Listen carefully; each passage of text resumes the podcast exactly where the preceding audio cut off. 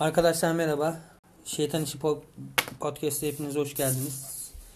Ee, büyük ihtimalle hiç kimsenin dinlemeyeceği bu programı ilk kez biz de kaydediyoruz. Ben Furkan Özürek, yanımda Emre Kura da var.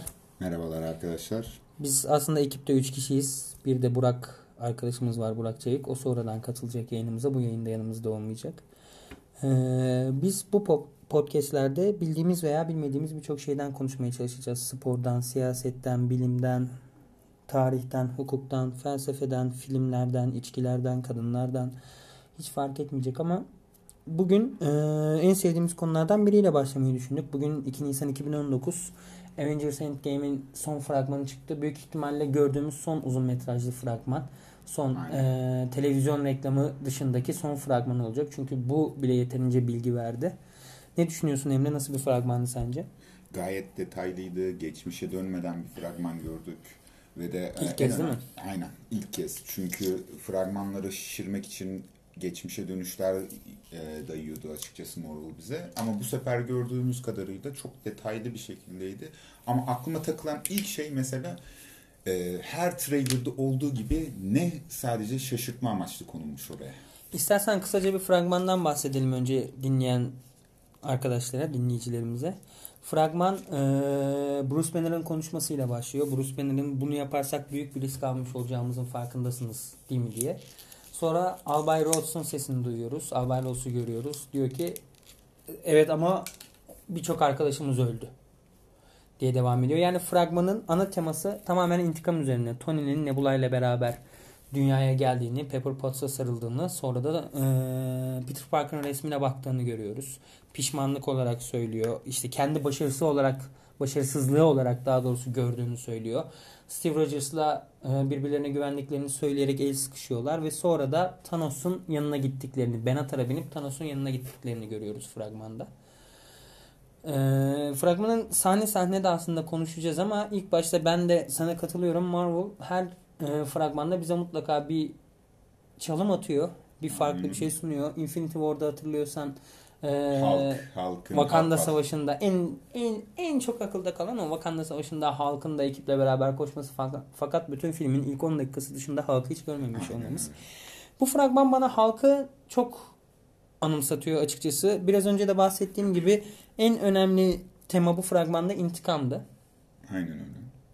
Ve yani halkın bir intikam almış olması lazım. Mesela bu e, sahte film içerikleri, sahte fragman içerikleri falan çıktı. Ocak ayında hatırlıyorsan. Yılbaşına doğru hatta Aralık ayının sonlarında. Orada en çok sevdiğim sahne, sahne sahte olduğunu bile bile e, Bruce Banner'ın Hulk formuna girerek, Profesör Hulk formuna girerek e, özel antrenmanlar yapmış olması. Sonra yanına Steve Rogers'ın gidip hazır mısın dediğinde Hulk'ın Bruce Banner sesiyle cevap verip intikam için hazırım dediği bir sahne vardı. Tabii ki sahte senaryo olduğu sonradan belli oldu ama bana göre halkın bu kadar çabuk geri sinmiş olması çok da mümkün değil. Thor Ragnarok'ta Fenrir ile kavga etti halk.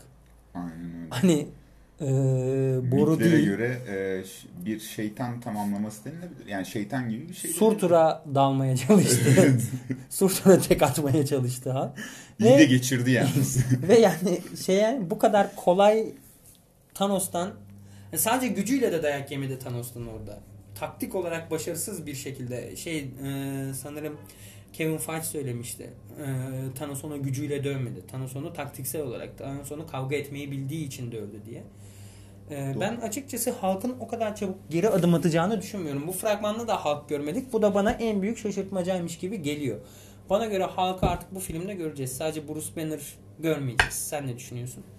Ya bu konuda aslına bakarsan halkın e, mistik yanını ön plana sokmaya çalışıyor olabilirler aslında. Yani mesela Banner'ın halka dönüşememesi. Burada halkın e, kişiliğinin mistik yanını ön plana sokuyor olabilirler. Demek istediğim de şu mesela çizgi romanlarda görürüz aslına bakarsan halkın e, mistik yetenekleri de vardır belli yönlerde bir bilim deneyinden daha ötesidir yani çizgi romanlarda görürüz e, çizgi filmlerde de görürüz. E, bu tarz bir gönderme olabilir ama aslına bakarsan bize burada yansıtılan sadece halkın bir özgüvensizliği gibi bir şey olarak yansıtıyor. Halkın iktidar problemi. evet, halkın iktidar problemi. Ülkemizde de bağdaşık olarak halkın bir iktidar problemi olduğunu söylemek gerekiyor. Ama ee... dünya genelinde lazım. Ama bilmiyorum nasıl çıkacaklar bu iş içinden ama halkı göstermek zorundalar artık. Tabii ki. Çünkü zaten kendine ait bir film yok çünkü Universal'in elinde. Universal'in elinde bütün haklarıyla beraber Hı hı. Karakter. Ama bunu yapmak zorundalar. Çünkü belli bir karakter gelişimi tamamladılar halk için bence. Sevimlileştirdiler halkı. Thor Ragnarok ba- başlı başına baba gibi bir komedi filmiydi. Halkı da onun içinde en komik karakterlerden biri olarak sevimlileştirdiler ki Thor Ragnarok'ta çok daha farklı bir halk gördük hatırlıyorsan. Düşünebiliyordu. Evet. Sağlıklı değil ama düşünebiliyordu. Artık bir kişiliği vardı yani. Hani bir Thor'a Thor'un gitmesini istemiyordu yanın. Yani sıkıntılı bir çocuk gibiydi. Hani böyle 4-5 yaşındaki bir çocuktan Aynen. bahsediyormuşsun gibiydi. Hatta 4 yaşında bir ay kız şu an onları yapmaz. Yani ay kız da atıyor kendini yerlere falan filan ama yani sanki biraz büyüyecek halk artık. Yediği dayaktan sonra büyük ihtimalle büyüyecek. Dayak ata ata kullandı adam. Dayak atıla atıla pardon. Çünkü Thor da dövdü. Thor da dövdü. Sağlam dövdü yani. Gelen geçen halkı dövüyor ya. O kadar efsanevi bir karakteri. Ama hani e, sadece yani halkın bu kadar e, büyük bir rolü de olmayabilir açıkçası. Burada da bir ters köşe, kendi kendimize ters köşeye at- atıyor olabiliriz yani. Ben açıkçası en kötü şunu bekliyorum. Ee, Avengers ilk filmi hatırlıyorsun. En sonunda Loki'nin ben tanrıyım diye bağırdıktan sonra halk tarafından çelimsiz tanrı denip yerden yere vurulması gibi. Tabii ki bu kadar komik olmayacaktır ama Thanos'un son noktasında halkın yer alacağını düşünüyorum ben. Olabilir. Yani en kötü gene aynı şeyle başladığımız gibi bitirelim diyerek halkı bir kez daha işin içine katabilirler gibi geliyor. Fragmanın ikinci ilginç tarafı bana göre halkla ilgili söyleyeceğim bir şey var mı? Geçmiş oldum. Yok. Ee, fragmanın ikinci ilginç tarafı bana göre şu ana kadar bütün karakterler hemen hemen konuştu fragmanlarda veya TV reklamlarında. Tek konuşmayan adam var. Thor. Yani sadece e, Hiçbir kelime duymadık. e, Stormbreaker sahnesinde I like this one. O tamamen bir mizah. Mizansen Tamam. için yapılmış olduğu belli. Evet. Ama onun dışında diğer karakterler ciddiyken de ağızlarından bir şeyler duyduk. Ama eee I Like That One dışında Thor'dan hiçbir şey duymadık. Ve. Thor'u her seferinde inanılmaz sinirli gördük. Çünkü Thor'un genel esprili ve komik yapısına çok aykırı bir şekilde. Adamın krallığı gitti elinden. Sinirli olmasın mı adam yani? Krallıkta insanlar da gitti yani. insan. İyi de eee Ragnarok'un sonunda da gitmişti. yani Infinity War'da da gitmişti. biraz bir insan vardı yani çevresi. Hani az Infinity kar- War'da da gitmişti. Gemisine saldırmışlardı. Yani ne bileyim ben Thor'un da burada artık biraz daha şey Rune King şeyini biliyorsun. Bir Evet. iyice kafayı sıyırıp Ee, Allah Bismillah Allahu Ekber mottosuyla ilerleyen bir Thor var ya. evet. Oraya doğru akabileceğini düşünüyorum. Yani olabilir. Ee, açıkçası çünkü ilk filmde mesela gidişat hani Endgame'in sonunda bildiğin e, Thor'un bir Odinleşmesi şey Infinity War'un sonunda o e, Thor'un bir Odin moduna girmesi. Odin. Force'la iyice bütünleşmeye Aynen, başlaması. daha da güçlü olduğunu görüyoruz. Wakanda'ya iniş sahnesi müthişti. Yani. O konuda müthişti. Ben onu sinemada tek başıma izledim ben Infinity War'u. Sinemada yanımda bir kadın vardı, bir bayan kardeşimiz vardı. Ee, yani çok meraklı da belli ki evrene falan. Abi hemen hemen aynı tepkileri veriyoruz kadınla. hı. Böyle aa Allah anam Hani Thor inince böyle kız aa diye falan böyle kendinden geçti. Hemen dedim Thor tamam o kadar da değil mi sakin ol diye de yani. Çok insanın hoşuna gitti. Benim de hoşuma gitti o sahneyi izlemek Kesinlikle. yani. Benim de hoşuma gitti o sahneyi izlemek. Ama ya ben gene Thor'un her filmde önemli yeri, her filmde bir şekilde bir kurtarıcı veya e, ana cephede biri olarak görüyoruz ama burada iyice önemli hale geleceğini düşünüyorum. Ve ölür mü ölmez mi? Mesela halkın ölmeyeceğini ben açıkçası düşünüyorum. Halkı öldürmek hiçbir işe yaramayacağı gibi yaşatmak da çok bir işe yaramayacak. O noktaya getirdiler artık. Ee, Banner'ın gitmesi durumu olabilir. Sadece halkı giderse görebiliriz. halk kalmayacaktır. Ben sinematik evren halkın taşınabileceği bu e, komik evrenine paralel değil bence. Belki de olabilir yani hani e, çizgi roman evrenlerinde de olur ya halkın şeyi tanıtmak için söylüyorum. Halkın e, sadece kendi ayrı kişilik olduğu yani Banner'dan daha Hı hı. baskın kalması. Hani Thor Ragnarok'ta da açıkçası biraz bunu görmüştük. Hani buradan bir göz kırpmış olabilir mi Orwell bu konuda? Bence. Belki de. O da bir ihtimal dahilinde. Thor'un da ölümü bence bir ihtimal dahilinde. İkinci nesil bir Thor görebilir miyiz acaba? Jane Foster mıydı? Jane Foster'ın Hı, ben çok Yani ihtimal vermiyorum şu anda. E, sanmıyorum dönüp de böyle bir Sanki ben e, Thor'la ilgili aklımda şu var. Kaptan Marvel'ın da yardımıyla Allah'a ısmarladık deyip kalan az kartları belli bir noktaya aynı skralları taşımaları gibi. Skrulların yanına bize de bir Kalunigur versene ya. Var mı bir gece konduluk falan diye. Çok birbirini tutan karakterler bir de Kaptan Marvel'da Thor. Evet. Benzeyen karakterler. İkisi de e, aşırı bufflı olduğu için olabilir yani bir kodum odur diyor ya. Bir tanesi ya uzay gemisinin motorunu şak diye emiyorsun. Bir tanesi zaten direkt tanrı yani hani. Tanrı tabii. Emiyorsun tabii yani. Çok Kaptan Marvel filmi de ilginçti ya. Neyse ona sonra bakarız. Fragmanda peki e, benim dikkatimi çeken başka bir konuda Tony Stark'ın gene konumu oldu. Fragmanın sonunda da biraz önce bahsettiğim gibi Thanos'un karşısına Tony Stark çıkıyor tek Evet. olarak. Ee, yani Steve Rogers ne kadar ön planda olursa olsun ki bana göre çok şişiriliyor. Kesinlikle. Hep Amerikan oyunları bunlar. Tony Stark'ın asıl e, ekip lideri olduğu ve asıl kendini feda edecek adam olduğu artık çok daha net bence bu fragmandan sonra.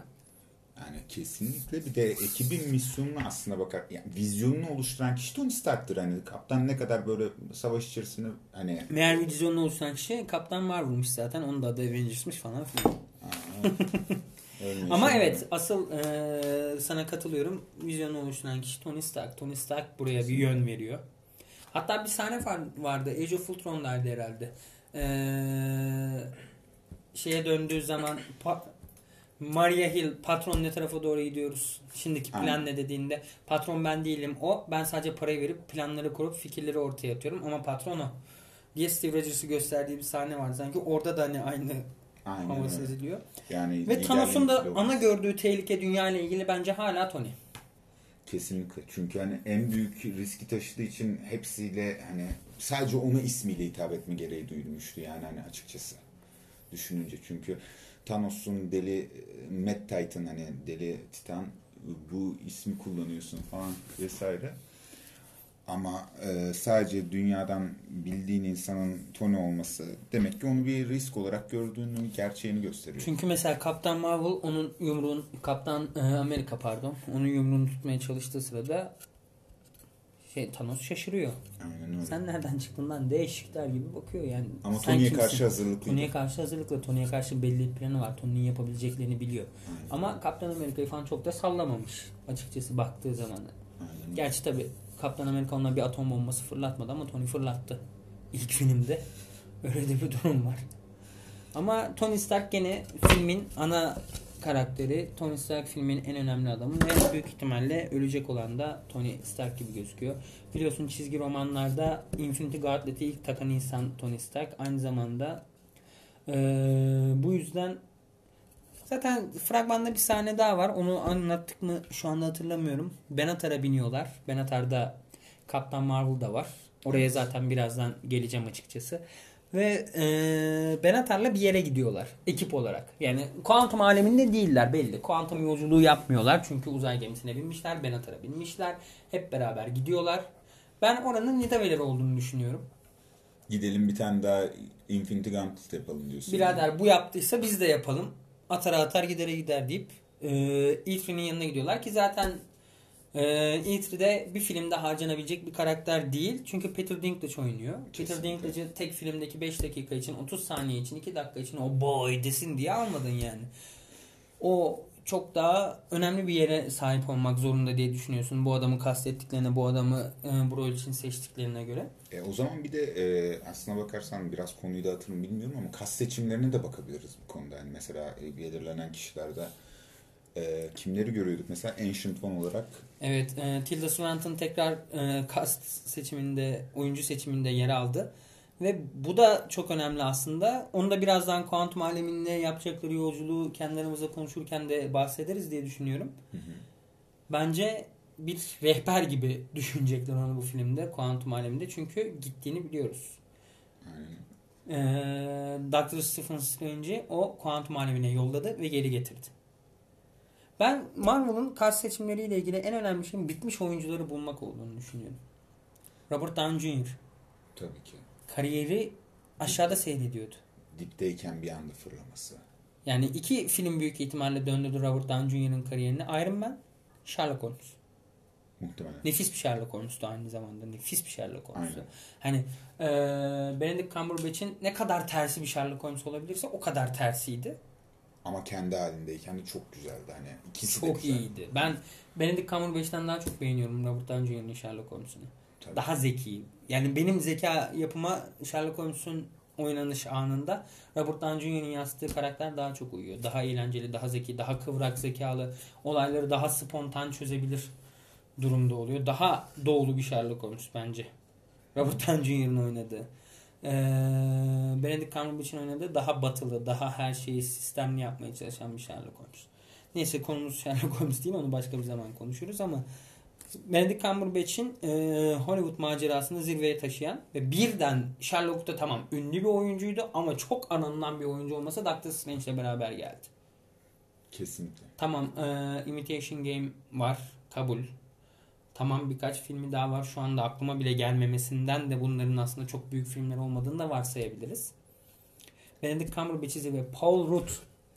Paul Rudd ya yani Paul Rudd neredeydi Ant-Man'den önce? En son ben Paul Rudd'u 40 yıllık bekardan hatırlıyorum ya.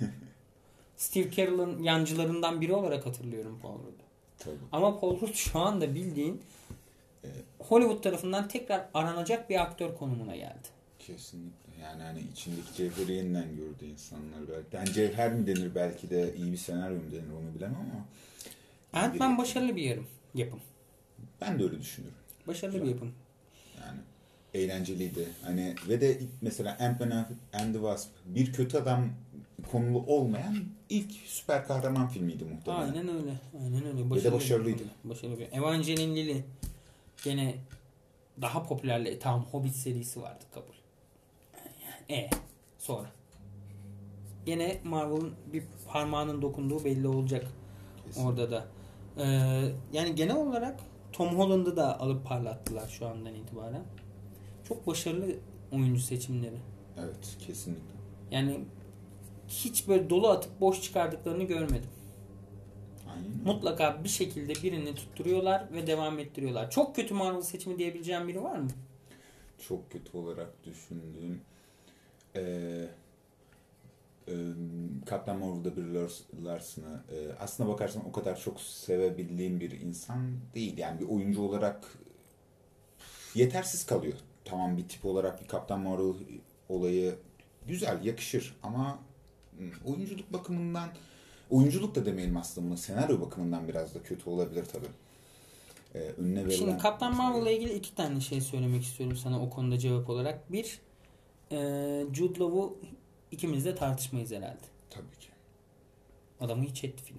Aynen öyle. Adamı hiç etti film yani. Ben Jude Law'un yerinde olsam dönüp de hatırlamak ister mi? Bilmiyorum şeyde de yan karakterdi. Ya, tabii ki hatırlamak ister. Kim bilir kaç para aldı ama yani benim söylediğim gereksiz romantik cümleye takılmayayım. Jude Law'unu hatırlamak ister mi? Ne istemeyecek lan adam DVD rafına koyacak. Canı sıkılınca uyurken açacak yani maksimum bu. Parayı da yiyecek o sırada işte kokainle falan. Ama bak şeyde de Sherlock Holmes'lerde de yan karakterdi. Ama bu kadar silik değildi. Aynen öyle. Hiçbir zaman bu kadar silik değildi baktığımızda. İki, e, yani orada filmin genel olarak bir karakter boşaltma gibi bir durumu var. Film yani iyi oyuncuları bile çok iyi göstermeyen bir yapıya sahip gibi geliyor bana. Olabilir. İkincisi Brie Larson yerine bana iki tane alternatif sayabilir misin? Kaptan Marvel karakterini oynayacak.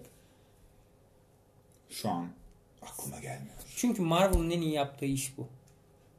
Iron Man'i oynaması için aklına hiçbir zaman Robert Downey Jr. gelmezdi başlangıçta. Tom Cruise gelirdi, Brad Pitt gelirdi, Leonardo DiCaprio'yu zorlardın. Ki hepsinde tek tek denediler. Marvel. Ama Robert Downey Jr.'de kadar. Evet. Bruce Banner. Nefis bir oyuncu seçimi. Nefis bir oyuncu seçimi Bruce Banner'ı oynaması. Harika. Mark Ruffalo o konuda büyük güzel bir iş başarıyor bence. Hani daha önceden kimleri görmüştük? Edward Norton Edward. Norton'u gördük. Mesela kendisi iyi bir oyuncu ama ı-ı. Edward Norton'u tabii ki oyuncu olarak tartışmayacağız ama Zaten niye tartışalım Yani tabii ki tartışamayız ama o filmde o ya film çok gereksiz bir şekilde kötüydü yani. Diğer adamın adı Gereksiz neydi ya. ilk oynayanın? Bak gelmedi aklıma. Truva'da da oynadı o. Benim de geldi. Truva'da da Hector oynayan o değil miydi? Emin değilim. Truva'da da Hector oynayan oydu. Çok başarısız bir Hulk oynadı o yani. Bane diyeceğim geliyor. Neyse. Marvel seçmedi o oyuncuyu da. O yüzden başarılı bulmayacağız yani. Google'ladın mı? Google'lıyorum.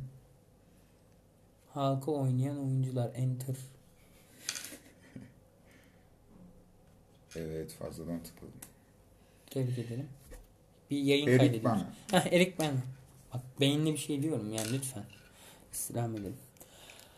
Yani bence Marvel oyuncu seçimlerinde turnayı gözünden vuruyor ve Brie Larson için henüz bir film. iyi ya da kötü dememiz için henüz çok erken. Beklemeliyiz, görmeliyiz, bakmalıyız. Bir de Endgame'de görmeliyiz. Endgame'den sonra kim bilir ne duruma gelecek. Ee, tekrar toparlayıp konumuza dönmemiz gerekirse burası biraz fazla uzadı. Yani oyuncu seçimleriyle ilgili bence her zaman başarılı geri dönüşler alıyor Marvel. Ve bununla ilgili de yeni gelecek kastında buna uygun olacağını ben açıkçası tahmin ediyorum. Ve de Evet. bu oyuncuların kritik noktalarda olacağını tahmin ediyoruz. Yani buradan da işte Peter Dinklage'e bu, Peter Dinklage'den buraya gelmeyi başardık biz. evet. e, 7 dakika önce Peter Dinklage'i konuşuyorduk. aynen. Adam öldü bu Yani bu sırada öldü adam. Yani bir ömrü geçti adamın. Game of Thrones'taki ortalama yaşam. Game of. Thrones'un da bugün yeni fragmanı gelmiş. Aa evet. Neyse e, Evet. Peter Dinklage'i boş boşuna seçmez abi bu herifler Yani. kısacası. Hani gidip bu adama o 3-4 milyon dolar vermezler 10 dakika için. Yani. Başka birini bulurlar. Mesela e, Infinity War'da nasıl buldular? Şey oyuncak adamı, Red Skull oyuncak adamı. Bitti o adamın rolü o kadar da oynadı bitti yaşandı bitti saygısızca yani çok daha üstünde durulacak bir durum değil. Ama Peter Dinklage'i kesinlikle tekrar göreceğiz. O yüzden söylüyorum. Nidaveller'a gidilecek. Nidavellar da Tony'nin kendi fikirleriyle Ethan'in dökümcülüğü Thor tekrar artık o yıldızımı toplar. Yani Adrian'in bence bu filmde bir rolü her şekilde olacak. Bilmem sen de benimle aynı fikirde misin bu konuda? Ben bu konuda ya ben katılıyorum kesinlikle çünkü yani yenilme yenilmeyecek bir adam Peter Dinklage. Yani kolay Kesinlikle. 10 dakika için almış olamazlar gibi. Frag- Bu son fragmanda Steve Rogers'ı fazla görmüyoruz. Sadece Tony ile evet sana güveniyorum sahnesi var. Helallik alıyorlar. Aynen helallik alıyorlar karşılıklı. İşte daha çok bir şey sahnesi gibi Polat Memati sonra- havasında değil de Polat Süleyman Çakır havasında. Öyle hastanede yok hastane miydi adliyede sigara içip parasında peşin verme karizmasını gösterecek bir ikiliymiş gibi gözüküyorlar. Daha sigaranın yeni Endgame'den yasaklandığı da zamanlar. böyle bir şey e, Tony babaları infaz ediyor hesabı. Hangisi ölecek sence? Ben Steve Rogers'ın öleceğine kesinlikle Ben de artık Kaptan Amerika'ya e, artık kalk bir git artık diyeceğiz gibi geliyor yani. bir Winter Soldier'ın kaptan olduğu vakitleri görebileceğimizi White Wolf. Hmm. Belki de Falcon. Falcon belki daha makul. Bana, Siyahi. da, bana daha hoşuma. Siyahi. Evet. Ama yani şöyle de bir durum var. Kaptan Amerika'nın ya Kaptan Amerika serum olmazsa Hiç. laboratuvar deneyi. Evet. Yani sonuçta. Falcon'da serum merum yok. Ki ben şunu da görebileceğimize inanıyorum. Falcon'ı vurursan ölür yani. şey yok. Kanat manat ekleriz işte bir şeyler. Ya ama şu durum var. Ee, bana kalırsa Thanos'un elindeki gücü bu sefer gerçekten Tamam. Ağır tamam bir burayı keseceğiz. Keseceğiz burayı artık. Ee, bu sefer Thanos'un e, Infinity Gauntlet'i kullanmasını gerçekten hard bir şekilde görebiliriz. E, ileri seviyede görebiliriz. Hani demek İyi de diyeceğim şu ki Geçen se- geçen filmde de ileri seviyede kullandı. Hatırlamıyor musun? Ama- Doctor Strange'in ruhunda çıkardı gerçeklik taşıyla. gerçekliği manipüle etmesinden söz ediyorum. Mesela e, biz bir Steve Rogers'ın ölmesinden ziyade güçlerin elinden alınmasını da görebiliriz belki de.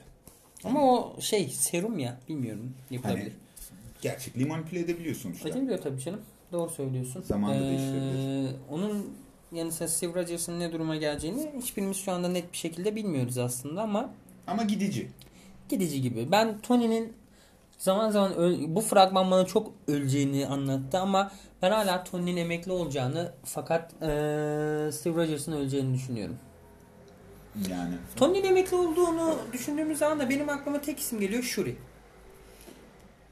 gerçek bir e, teknoloji dehası diyorsun onun yerine. Tabii ki. Pratik zeka ve zekanın aynı zamanda e, tek bir şekilde toplanmış olması da bence etkileyici o konuda. Belki de farklı bir e, Black Panther varyasyonunu da görebiliriz. Çünkü Marvel biz bu konularda çok e, çizgi roman dünyasını uzaklaştırabiliyor. Ters Ama. Chadwick'in kontratı daha var. Ha, o da var. Tabii. Yemezler.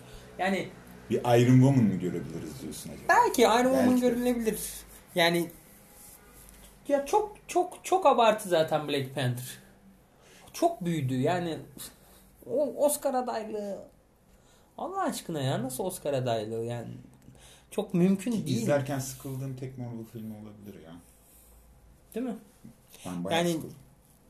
Ya, çok belli. The Vibranium falan filan güldürüyordu ama hani böyle telaffuzlardan. Vibranium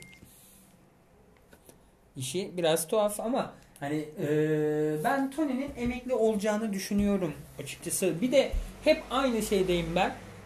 Yani Spider-Man Far From Home fragmanı çok şey koydu. Çok koydu yani çok bomba koydu filmin altına. Endgame'in altına. Ya çünkü gülüyorlar, eğleniyorlar. Tony şey Peter Parker yaz tatiline gidiyor neredeyse. Okulla beraber tatile gidiyor ve eğlenerek gidiyor. Filmden 5 dakika sonra Infinite şeyden Endgame'den 5 dakika sonra başlayacağını biliyoruz. 5 dakika sonra e, film başlamış durumdayken nasıl bu kadar eğleniyor konumuna gelebiliyor Peter Parker? Evet, Demek bu ki- olanları gerçeklikten silmiş olabilirler bu konuda. O da çok şey gibi olmayacak mı? Leyla ile Mecnun şey Tony tuzlukmuş. işte bilmem ne Japon balığıymış. Aptal saptal bir şeye bağlamış olacak. O kadar da değil. Yani bu adamlar 21 tane film yaptılar. 11 sene artık. 11. senesi doluyor. 11 senedir eee, verilen bir emeği o da demiş ki o da benim kıvamına getirmek için yapmazlar yani. Gerçeklikten sildik. Ha bu bir fedakarlık gibi gösterilebilir mi? Evet bu bir fedakarlık gibi gösterilebilir. Hani evet biz buradan yok olmayı seçiyoruz. O zaman Pe- Peter e, Pepper Potts nasıl Peter Parker'a çek veriyor? Neye dayanarak çek veriyor? Tony Stark hiç yoksa. Tabii ki.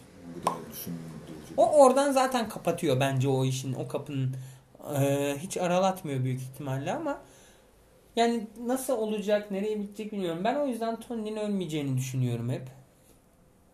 Yani bilmiyorum benim kafamda her zaman Tony var. Peki hani kim öldü, kim ölmediği düşündüğümüz zaman iki tane kritik karakter var. Geri dönecek mi, dönmeyecek mi? Loki, Gamora.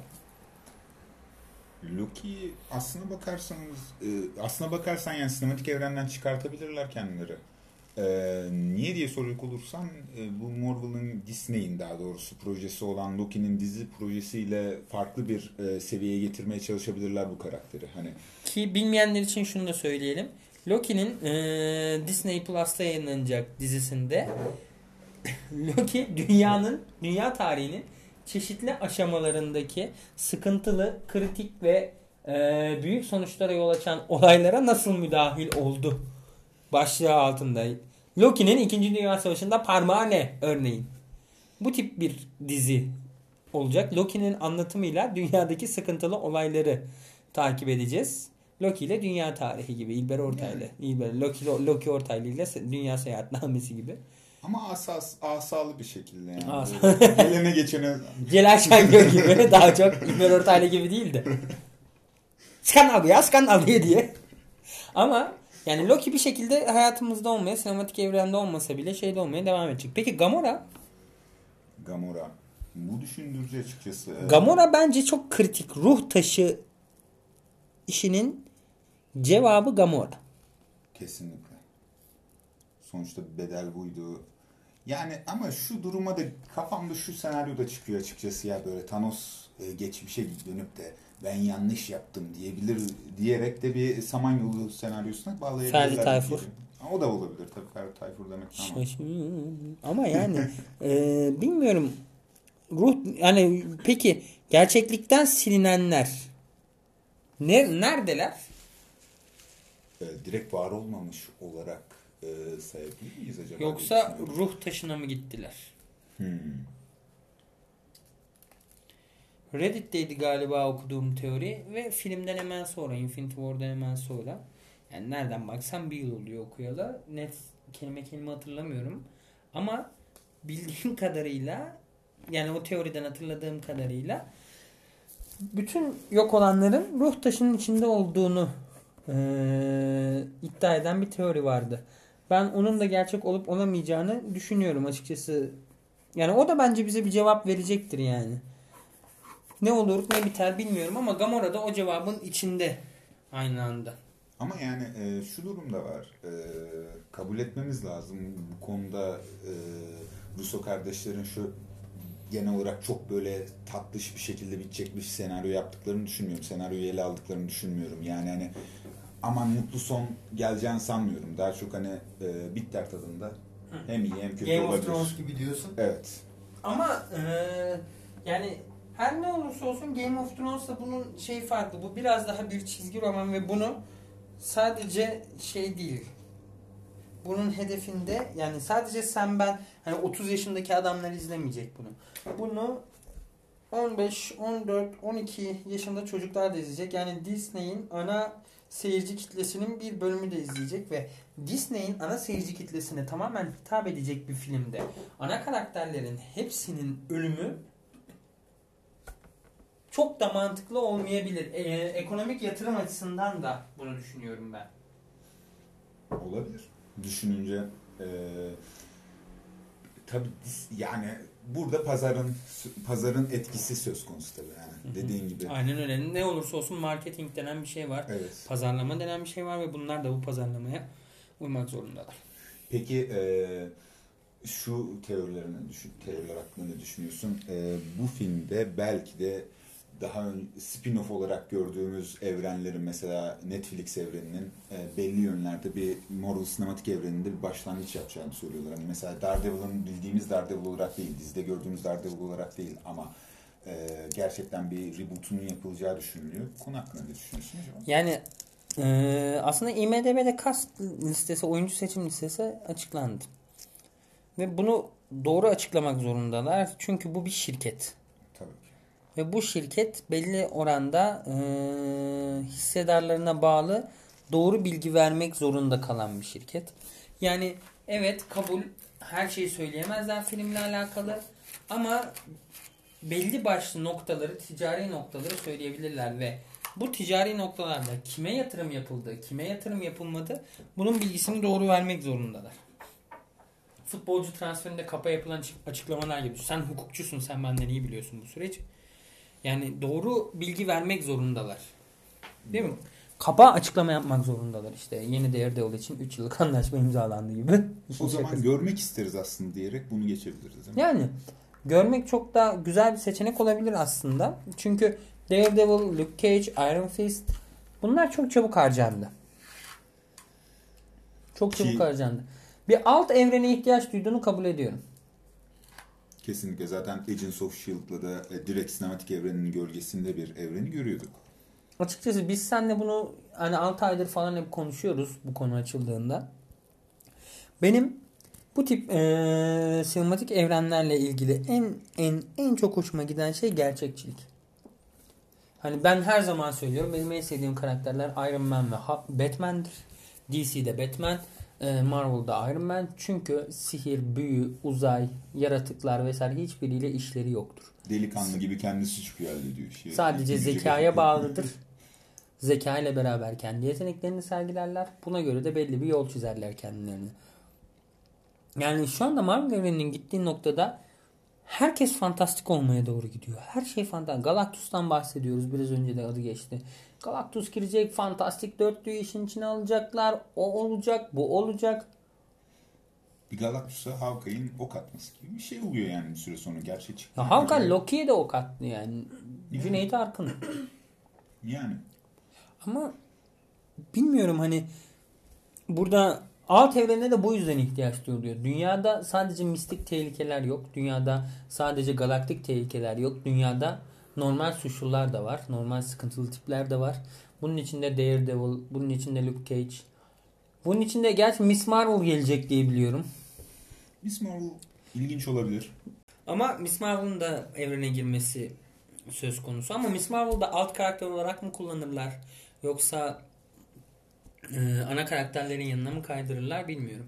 Çok fazla kadın hakimiyet yok. Black Widow'un filmi de geçmişte geçecek. Ha peki Black Widow'un ölme ihtimali? Black Widow'un e, belki de böyle bir şey de görebiliriz. E, çünkü geçmişte geçecek bir film olarak görüyoruz. Marvel'ın ama şu durum var. E, Marvel'ın tüm filmleri gelecekte daha çok pazara hitap etmek konusunda oluyor ve de bu e, filmin daha çok Black Widow'u övmesi ve de ileri vaziyete getirmesi gerekiyor. Yani onun için öleceğimizi pek, pek düşünmüyorum açıkçası. Ben Black Widow'u nasıl bir şeyde görüyorum biliyor musun? Bruce Banner'la beraber Hı hı. hadi biz Allah'a ısmarladık biz gidip bir takılalım moduna. Yani ana altılının ben bir şekilde artık dağılmasını öngörüyorum. Bence gereken de bu. Hawkeye'nin yaşamasına gerek yok. Sen yaşasan ne yaşamasan ne lan. Çocukları gerçeklikten silindi falan filan ama geri getirmenin peşindeler. gerçeklikten silindesin. Kafamın yarısını kazıtmalıyım falan. Böyle bir ilginç bir halini de gördük kendisini. Ronin. Ronin. Ronin böyle çok sevdalısı mısındır? Sever misin Ronin'i?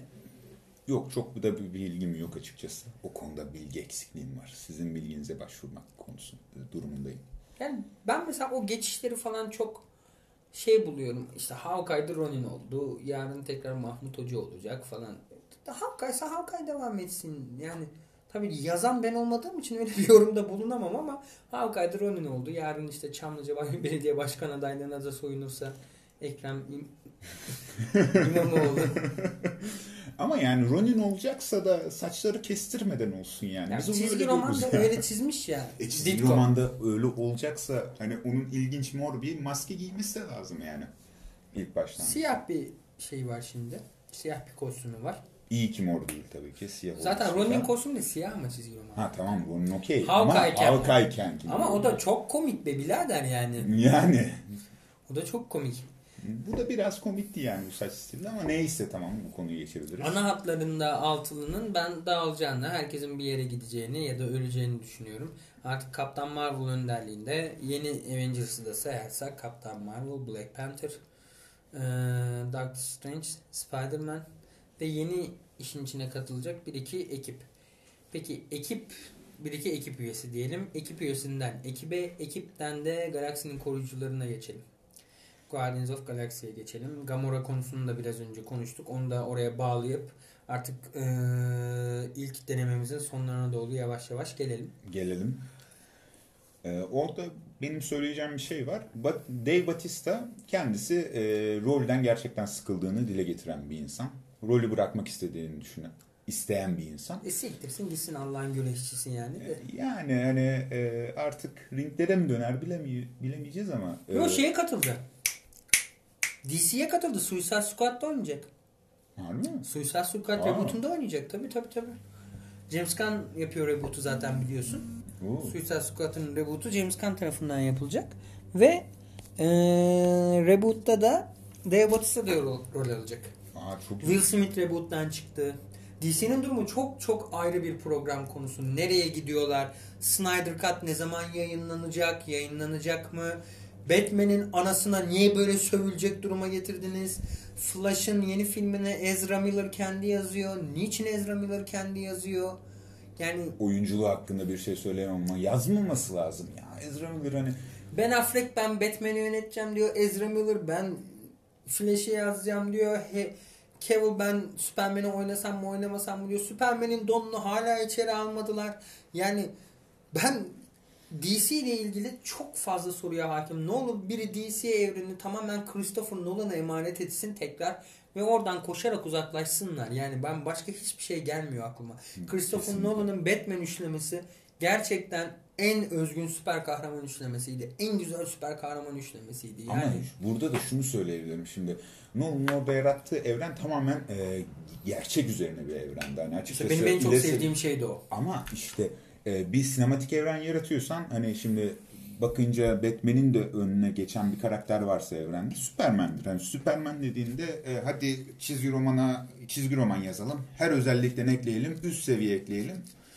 Yani adam herkese tek atsın bir karakteri hani. Gerçekten de böyle. Gerçekten şu anki e, ekonomik paylaşım noktasıyla beraber soruyorum. Superman Batman'in önünde mi? Kesinlikle değil. Şu Batman- anda çünkü senin Ama üstünde Batman tişörtü var yani. Evet. e, şu durum var. Batman hayranı için Superman her zaman Batman'in arkasındaki süper güçtür. Bu değişmez. Haksız mıyım? Doğru.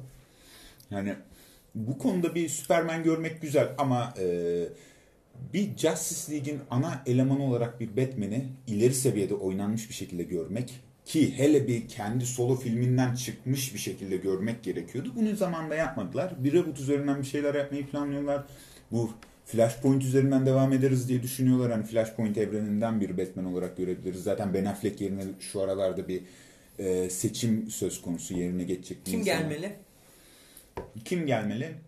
Ee, Kit Harington bence nefis bir aday. Kısa kabul ediyorum. Ama şu anki olabilir. karizmasıyla o Jon Snow karakterinde yarattığı Batman vari yalnız adam tiplemesiyle bence Kit Harington çok zorlanmadan o rolü götürebilecek biri ama saçlarını kesince nasıl duracağını hiç bilmiyorum. ama şu durumda var. Yani şu durum da var. Batman karakteri zaten çok da uzun bir karakter değildir hani çizgi Değil. Ama romanlarda. Christian Bale uzun bir adam birader. Ben tabii. kafamdan Christian Bale'in Batman'ini atamıyorum. Kadın olsaydım tam ebatlarında kocaman bir yastık yaptırırdım. Bütün akşam onunla uyurdum. Çok net söyleyeyim yani. Arkadan sesi gelmediği sürece Where's Rachel? Where's? Ama çok çok çok başarılı bir oyuncuydu. Kesinlikle. O konuda bir şey diyemeyiz. Ama şu durumda vardı. Hani e, Christian Bale'in Batman'inin kötüsü olarak karşısına Heath Ledger diye bir adam vardı. Bu ileri seviyeydi. Biz biz Endgame'den nasıl geldik konuya? Cillian Murphy de gayet iyi bir kötüydü birader. Ben orada Ha, Scarecrow da gayet iyiydi. Kesinlikle. Evet. Ee, nereden geldiğimizi ben sana kısaca özetleyeyim. Sonra da konumuza dönelim. Dave Bautista dedin. Dave Bautista'nın ben Suicide Squad reboot'unda rol alacağını Evet. söyledim. Oradan buraya geldik. DC evrenin bombok olduğu gerçeğinden konuştuk maalesef. Yaramıza dem vuruldu. Şimdi Suicide Squad değil konumuz artık bir an önce dönmemiz gereken Guardians of the Galaxy. Üçüncü film 2021. 2020 Vizyon tarihi gibi gözüküyor. Çünkü James Gunn sanırım önce şeyi koyacak. Suicide Squad reboot'unu koyacak. Sonra üçüncü filmi koyacak. Dave Bautista rolden sıkılmış. Sıkılsın. Bugün e, Endgame'de Drax oynayacak birini Dave Bautista yerine başka bir kaslı adam seçtiğiniz zaman kimse ne oluyor demeyecek. Kesinlikle. Yani sadece bir Drax karakterinde gördüğümüz en güzel esprinin Why is Gamora olması e, biraz Bir de üzücü. şey ben yokum bak tamamen görünmez oldum deyip cips yemesi muhabbeti. Onun dışında da Thanos'un kalbini sökmüştü çizgi romanlarda. Ah burada söksün şimdi. Sinematik evren çizgi romanlarla aynı şey değil o şekilde Tabii. devam etmiyor. O yüzden yani çok önemli değil Drax karakteri. İşte Peter Quill devam edecektir Guardians of the Galaxy'de. Gamora'nın geri dönüp dönmeyeceği burada çok kritik. Gamora geri dönerse zaten o da ana hatlardan bir tanesi.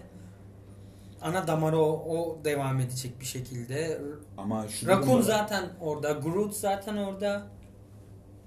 şu durum da var. E, Gamora'nın olmadığı, Gamora'nın geri dönmediği bir gerçeklikte e, Guardians'ın daha e, idealist bir şekilde görebilir miyiz? Yani böyle bir versiyonunu sürebilirler mi acaba 3. filmde? Onu düşünmüyor değilim. Daha kanunsuz, kanunsuzlaşmaya mı giderler? Gamora sanki o ekibin vicdani el freniydi ya.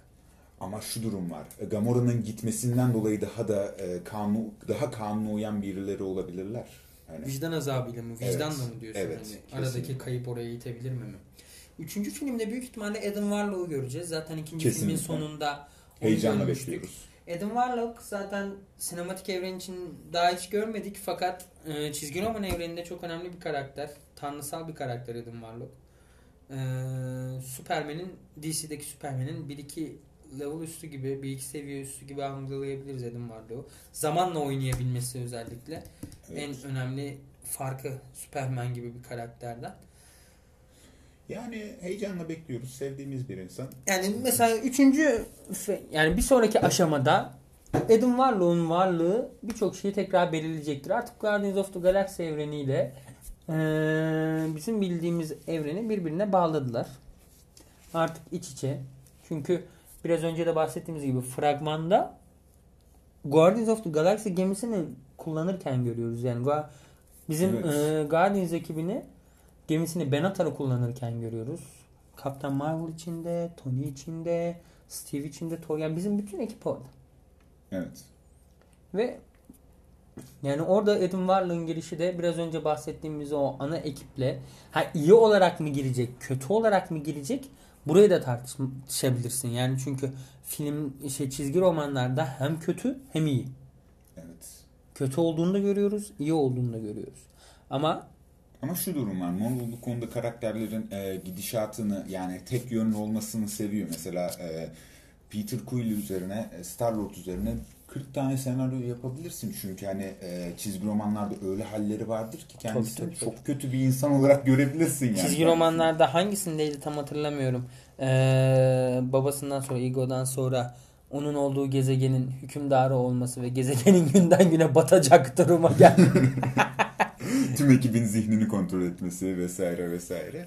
Yani çok da sevilen bir karakter denilemez. değil çizgi değil. Ev, çizgi roman evreninde hiç sevilen bir karakter değil. Çok değil hatta hiç sevilen bir Kesinlikle. karakter değil. Zaten ee, ya mesela ben filmlerde de sevemeyen taraftayım. Ya benim kafamda bak bir konu daha var bunun hakkında. Ee, biz Guardians'ı acaba e, ekibinin değişebilir mi? Ve de değişirse dünyadan yani dünyadaki bizim Avengers e, tarafından bir insanın Guardians'ı olabilir yani bir kahramanın Guardians'ı olabilme gerçeği olabilir mi yani? Kim mesela? Kim olabilir? Mesela çizgi romanlarda Panther'in belli dönemlerde birkaç bölümlük geçtiğini görüyorduk değil mi? Panther, e, Black Panther Çok net hatırlamamakla beraber 1-2 bölümde geçti gibi e, hatırlıyorum. Storm'la beraber hatta Storm'la geçmişler diye hatırlıyorum. Sonra evliler ya. Evet. Göremeyeceğimiz şeylerden biri ama Göremeyeceğimize emin olamayacağım Aynen. güzel kardeşim artık birleşildi biliyorsun. kesinlikle. O da ayrı bir tartışma. Kimin nereye birleştirebilirsin. Biraz önce e, kas seçiminden bahsettiğimizde söyleyecektim. Unuttum aklıma gelmişken ekleyeyim.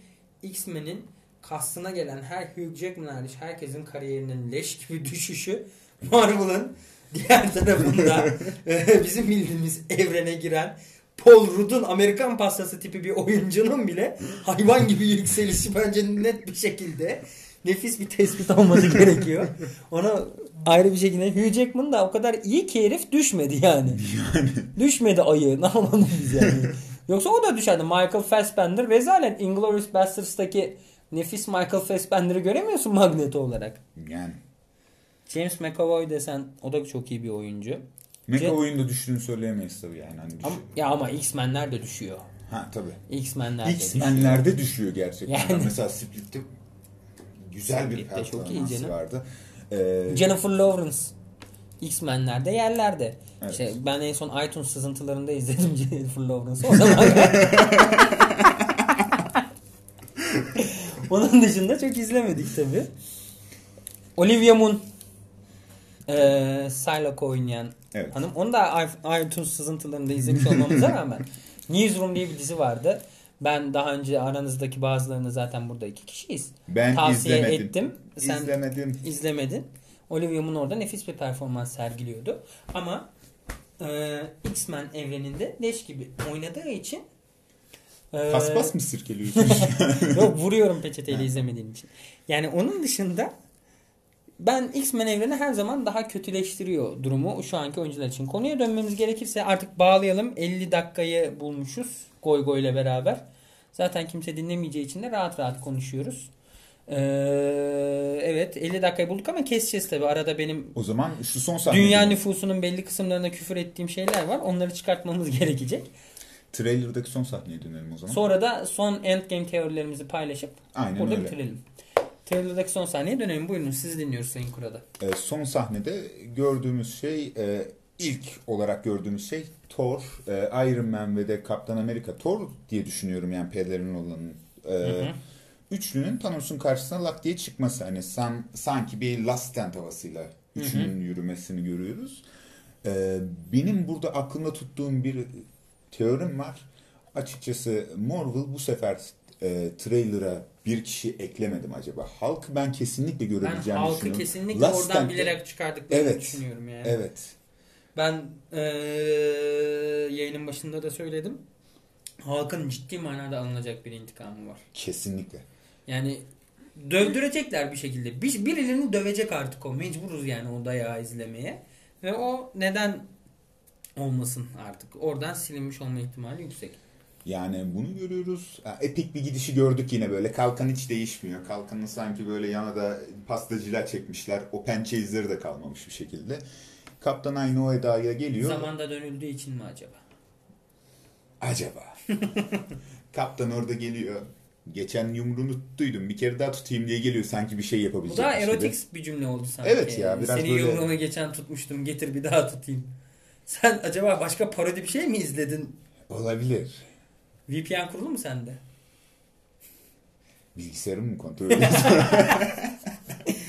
Ama e, burada gerçekten de Kaptan Amerika'nın orada olmayacağını da düşünebiliriz tabii Kaptan ki. Amerika ölecek Allah rahmet eylesin. Başka bir çaresi yok. Orada Ama o ekipte gerçekten de Thor'un olacağına eminim. tabii tabii ben E, ama son sahnede gene Tony Stark ve Thanos karşı karşıya baş Evet. başa biraz önce de söylediğimiz gibi son savaşın e, ikilisi o olacak büyük ihtimalle. Harry Potter'la Voldemort hesabı. ve de ikisini e, ikisi birlikte saldırırken Thor'un bir anda e, tek yani Thor'un gitmesi ve de kapta, şey e, Iron Man'le teke tek görüşmeleri falan teke tek kalmaları falan e, bu kısımda hani Thanos'un güç seviyesinin de arttığını düşünüyorum açıkçası. Çünkü iki, iki kişi saldırıyorlar. Hani minimum ihtimalle Thor ve e, Iron Man'in e, düşüncelerimize göre e, Hulk da olabilir bu konu bu ekip içerisinde ve de biz burada Iron Man'le ikisinin birebir karşılaşmalarını görüyoruz. İlginç olacak. İlginç olacak bence de. Ben filmle ilgili son teorilerimden bahsedeyim. Sonra sözü sana bırakayım bitirelim. Okey. Ee, ben açıkçası ee, Nidaveller'e gidip tekrar bir eldiven yapılacağı, taşları toplamak için kuantum aleminin kullanılarak paralel evrenlere, paralel evrenlere farklı zaman dilimlerine gidileceğini, bu zaman dilimlerine geçişte Ancient One ve Doctor Strange'in yardımcı olacağını, kuantum alemindeki ruh halleriyle Hı hı. e, yardımcı olacaklarını, bu uğurda hatta belli noktalarda zaman döngüsünü bozacaklarını, tam her şeyi hallettik derken aslında bombok ettiklerini fark edip yarıdan geri dönmek zorunda kalacaklarını, bu uğurda kendi aralarında kavga edip hatta bazılarını daha bu kademelerde kaybedeceklerini, sonrasında işe en son toparlayıp büyük kayıplar vererek whatever it takes dediğimiz konuma gelmesi için ne olursa olsun dediğimiz e, durumdaki kayıplar vererek en son raddede e, belli kişilerin sadece bunu hatırlamasına sebep olarak sonrasında gerçekliği bu hale getireceklerini ve gerçekliği bu hale getirmekte Tony Stark'ın Infinity Gauntlet'i kullanırken de kendini toparlanamayacak bir şekilde zarar vereceğini belki ölüme götürecek kadar zarar vereceğini düşünüyorum. Sen ne düşünüyorsun? Ve en son Thanos'u orada yenip öldürüp Evet. kayıplarıyla beraber Thanos'a baktıktan sonra bu noktaya gelineceğini düşünüyorum. Sen ne düşünüyorsun? Yani e, teorine şu yönden katılıyorum. Eldiven kısmı tamam. E, A3'ye gidelim. Hadi bir eldiven yapıver diyelim. Okey. E, kuantum evren, kuantum realminden e, taşları yeniden bulmak, taşları birleştirme kısmına da okeyim. Ama e, bu bu kısımda gerçekten senaryo bayağı komplike olmaya başlıyor gerçekten de. Hani düşün e, daha önce de bahsetmiştin ya Disney e, en büyük pazarı çocuklar. Çocuklara bu senaryoyu tuta, yani tutturabilirler mi? O gerçekten biraz düşündürüyor. Oğlum 12-13 yaşında çocuklar var senden benden daha komplike şu anda ya. Ya olabilir ama e, bilmiyorum. Bilmiyorum. Bu konuda benim de hani başka bir teo- ben teorilerimi konuşma içerisinde yedirdim gerçi yani hani bir Hı hı. sıkıntı yok. Ondan dolayı yani bu teorin kafamdaki en güçlü teoriyi yine sen dile getirdin. Ondan dolayı seni tebrik ediyorum. Sözü bitiriyorum. Ben Furkan Özürek, Emre Kuradağ ile beraber eee, Burak Çevik adına da hepinize iyi geceler diliyoruz. Bugün 2 Nisan 2019 ilk yayınımızın sonuna geldik. İyi geceler. İyi geceler.